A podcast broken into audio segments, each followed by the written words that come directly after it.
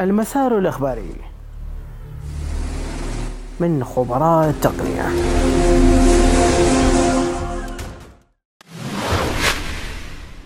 أبل ستطلق بطاقتها الائتمانية بداية أغسطس الحالي. اليوتيوب تضيف ميزة بث مباشر لشاشة الجوال. انخفاض مبيعات سامسونج وال جي في هذا الربع من هذه السنة. توقعات أن الآيفون القادم سيدعم قلم أبل. شاومي ستضيف ميزة الشحن العكسي في هاتفها القادم. فيسبوك ستتيح ميزة عمل المكالمات الفيديو من التلفاز. يوتيوب الأعلى دخلا من تطبيقات الفيديوهات في هذا النصف من هذا العام.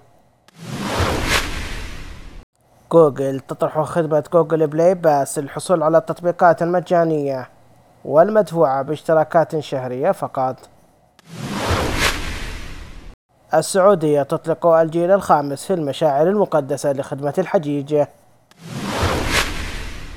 وأخيرا سوني تستطيع بيع 100 مليون جهاز بلاي ستيشن حتى الآن. المسار الإخباري.